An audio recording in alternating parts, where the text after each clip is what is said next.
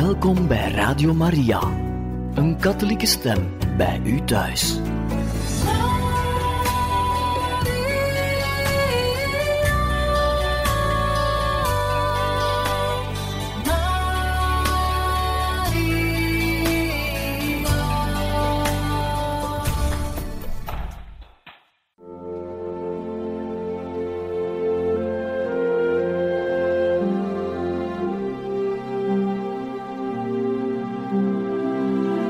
Beste luisteraars van Radio Maria, welkom bij het programma Catechismus.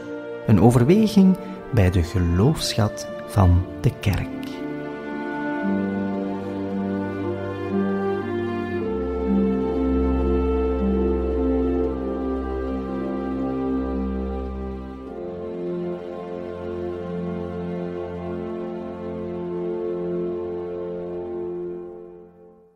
Van harte welkom, beste luisteraars van Radio Maria, bij het programma Catechismus. Vandaag luisteren we naar eerwaarde heer Pierre François in een reeks die zal gaan over de verschillende sacramenten.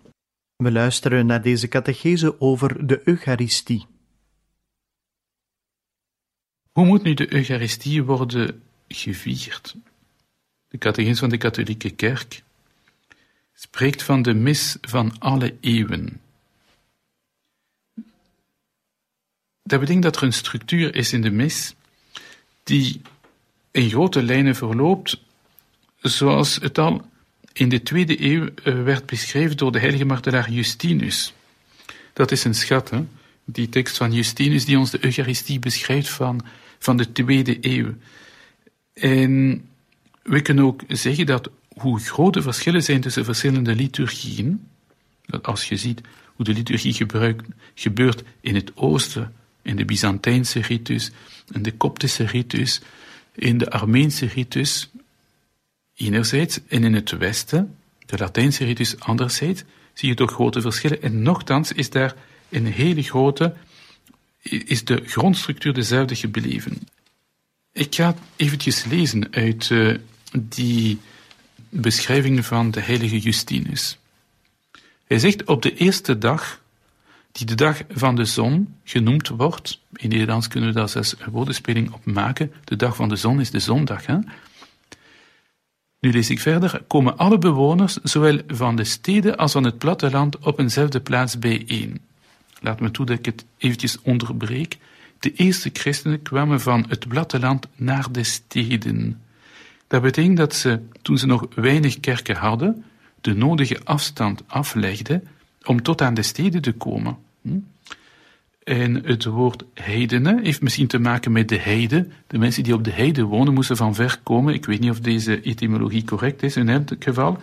In andere talen, het, Italiaans, het, het Spaans, het Frans, spreken we van pagani, Hm? Paganos, païens, dat zijn mensen die van de pagus komen. Pagus is het platteland. Hm?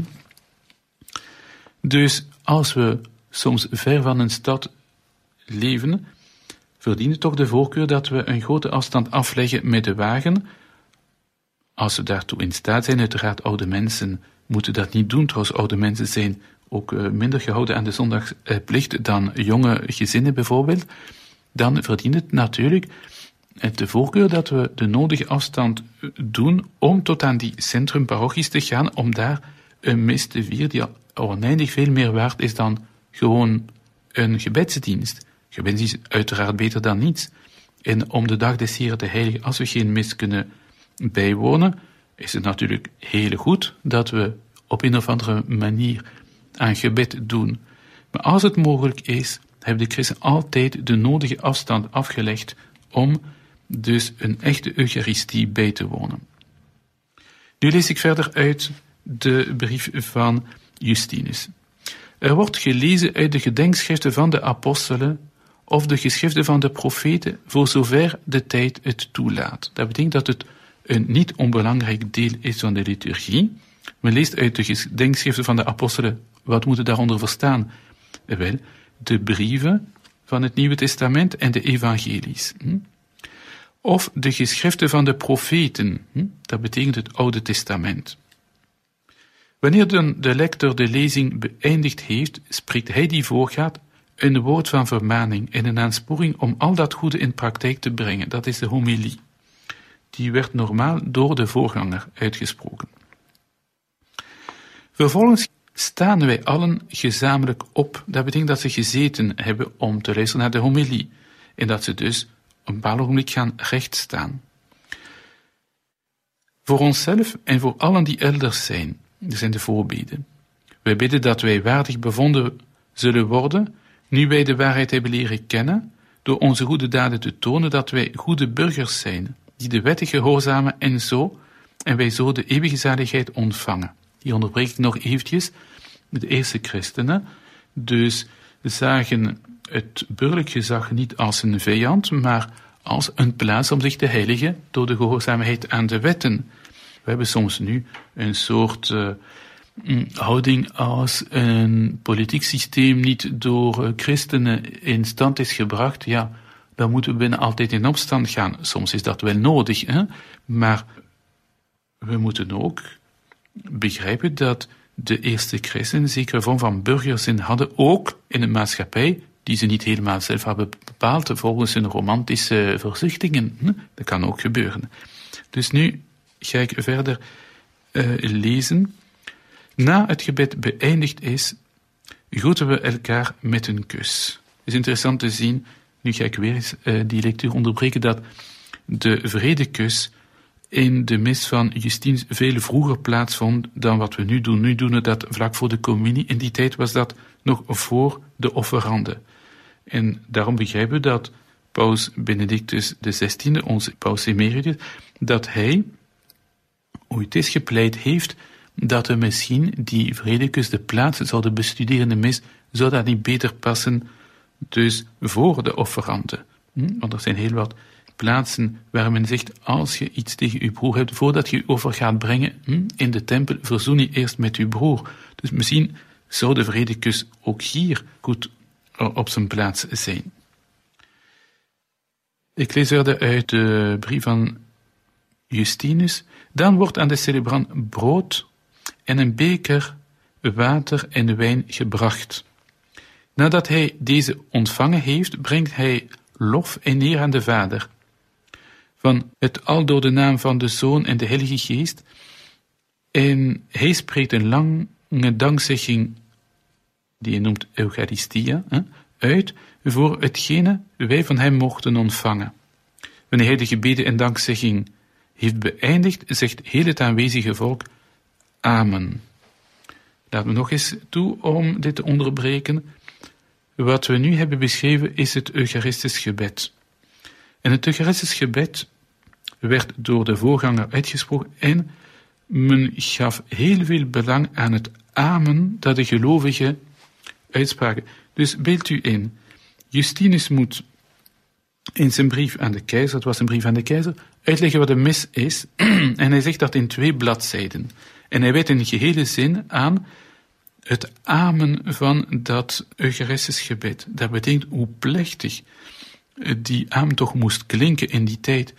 Dus als we nu de mis bijwonen, moeten we heel veel belang geven aan dat amen naar het door hem en met hem en in hem, dat nota bene voorbehouden is aan de priesters. Het zijn de priesters die dat gebed zeggen. En het volk zegt dan hierop een plechtig amen. Dus ik weet niet wie het uitgevonden heeft om alle mensen dat deel van het Eucharistisch gebed laten zeggen, want dat berust niet op oude bronnen, of berust niet op een theologische argumentatie. Integendeel zelfs, de kerkvaders, de getuigen van de eerste christelijke traditie zeggen ons dat het volk juist uitbrong door de plechtigheid waarmee ze de, die amen zeiden op het einde van het Eucharistisch.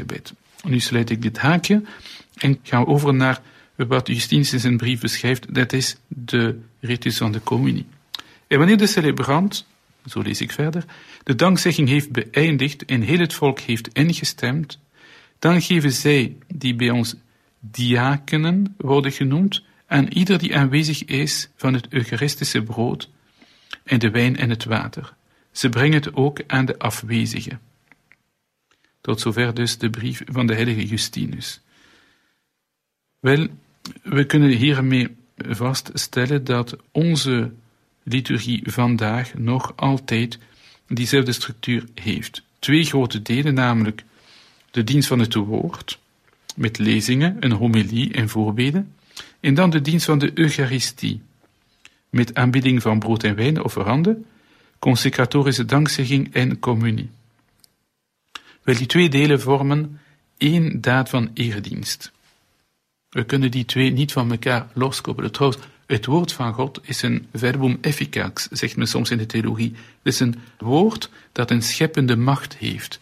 Eerst wordt dat woord gelezen, maar dan vervolgens wordt dat woord uh, gebruikt om de realiteit echt te bewerken door die consacratorische woorden te gebruiken met de juiste instelling, met als gevolg dat dus het woord van God belichaamd wordt in de Eucharistie. Het is niet alleen een woord om er naar te luisteren, het is een woord dat echt deze wereld verandert en ingrijpt objectief op de realiteiten van deze wereld.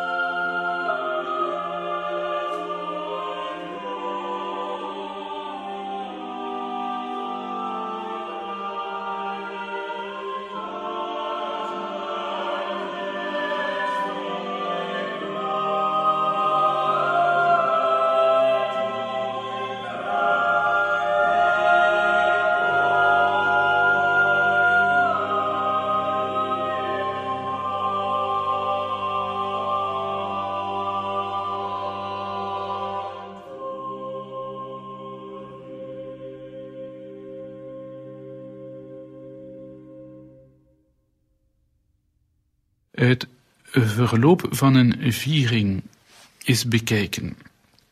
En alles wat de catechismus ons zegt in verband met hoe een viering wordt gehouden, een eucharistische viering. Wel, eerste punt, allen verzamelen zich. Dat lijkt een waarheid als een koe, maar dat maakt juist het verschil tussen een spektakel en de Eucharistie. In een spektakel, zolang dat de acteurs niet beginnen te acteren, gebruikt er niks en babbelen de mensen en ze wachten. Hm? Terwijl voor de christenen het feit dat men de kerk binnenkomt, dat is al een beweging van verzameling. En we verzamelen ons rond Christus zelf. En daarom is het ook logisch dat wanneer we een kerkgebouw binnenkomen, dat we al beginnen te bidden, want we gaan Christus ontmoeten. We gaan niet kijken naar een voorstelling, we gaan niet zeggen, wat gaat de pastoor ons vandaag vertellen? We komen om Christus te ontmoeten. En daar zit je het verschil tussen gelovigen en niet-gelovigen. Een niet-gelovige die binnenkomt, ja, die zit te praten en te babbelen en te wachten dat het begint.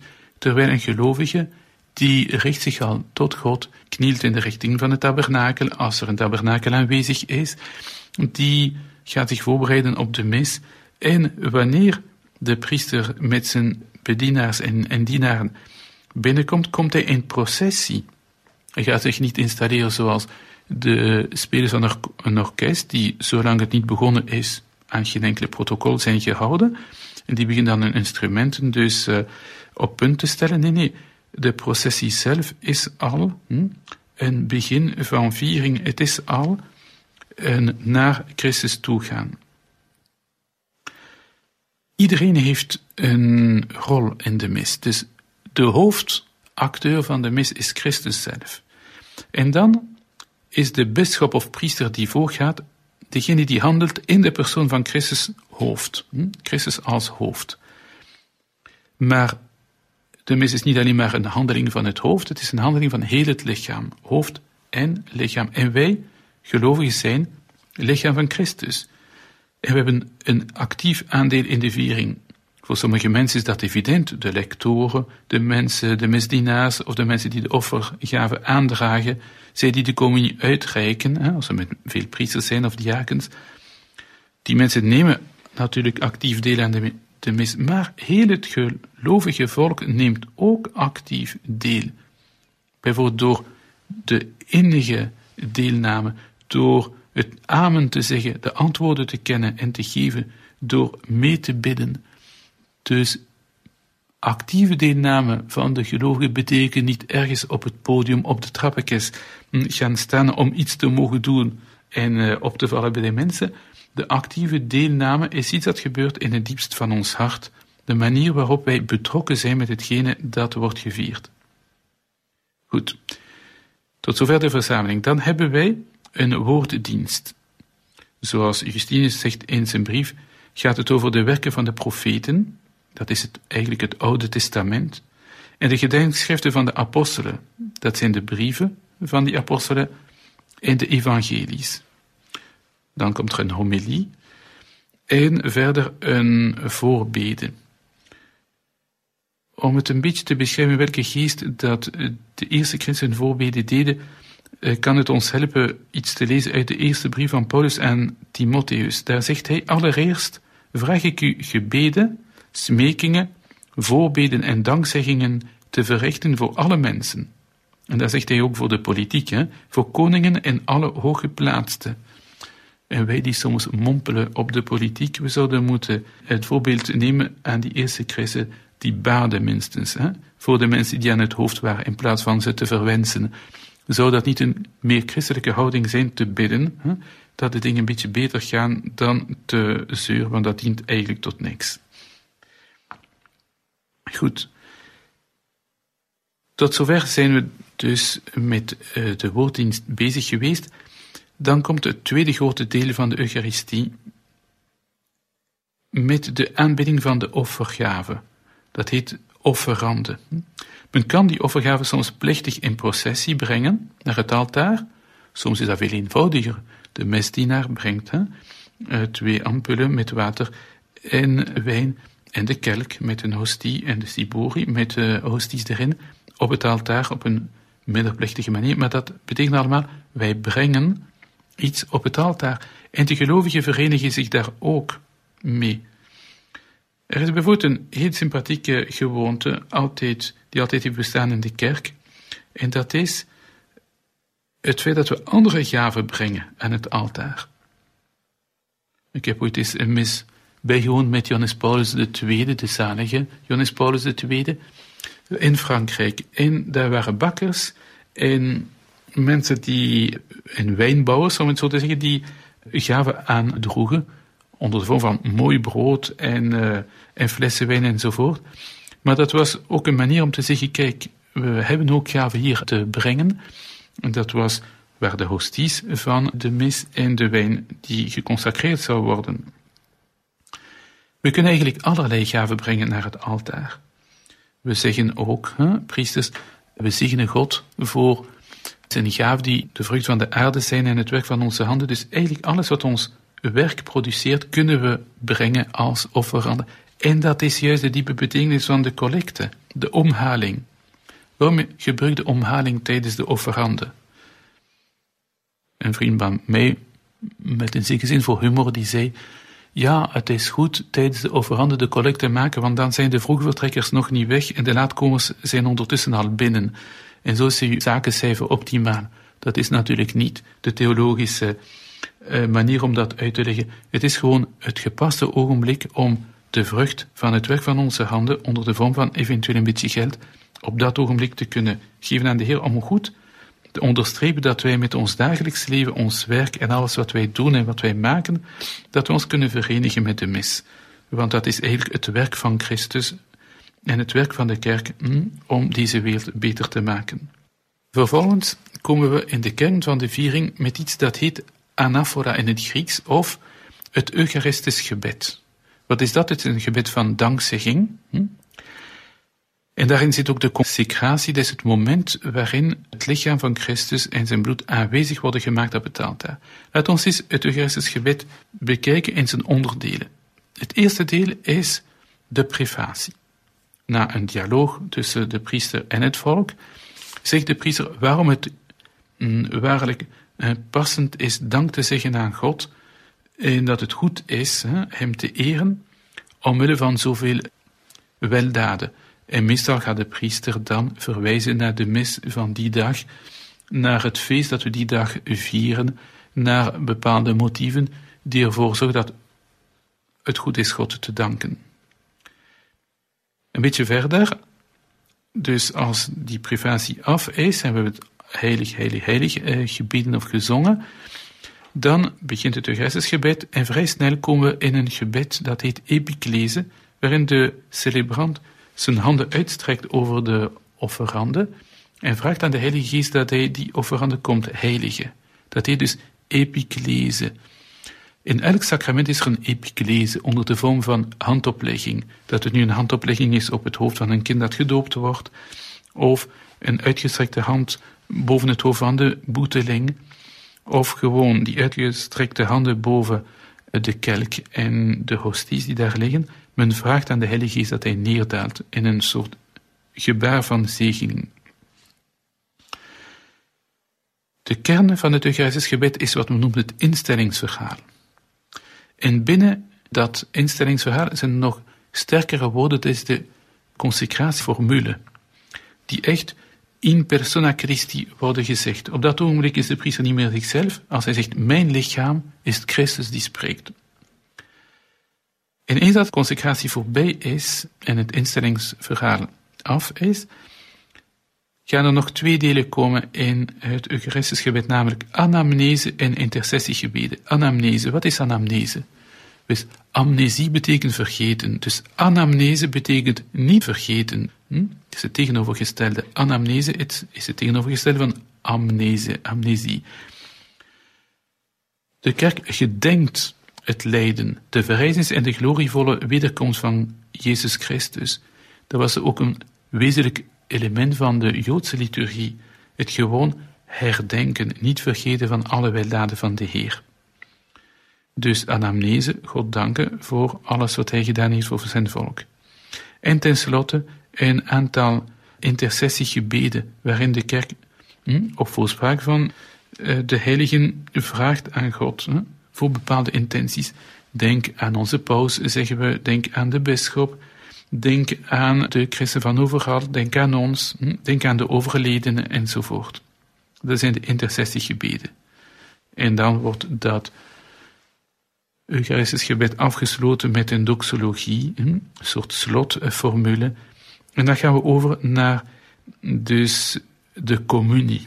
De communie, waarvan de ritus begint met het Onze Vader en vervolgens het uitdelen van de communie. En hier ga ik opnieuw uh, lezen uit de brief van de heilige Justinus, omdat dit brood en deze wijn volgens de aloude uitdrukking tot Eucharistie gemaakt zijn, draagt dit voedsel bij ons de naam Eucharistie. Eucharistie. Niemand anders mag hieraan deel hebben dan zij die gelooft dat onze leer waar is, die gedompeld is in het bad tot vergeving van de zonde, begrijp doopsel, en tot wedergeboorte, en die leeft volgens de voorschriften van Christus. Dus dat is niet nieuw. Hè? In de tweede eeuw van de kerk leefde een heel duidelijk idee van alleen de gedoopten die erin geloven en die volgens de voorschriften van de kerk leven, die mogen toegelaten worden tot de communie. En daar gaan we terug over komen in het vervolg van deze catechese om uit te leggen wat dat betekent een waardige communie.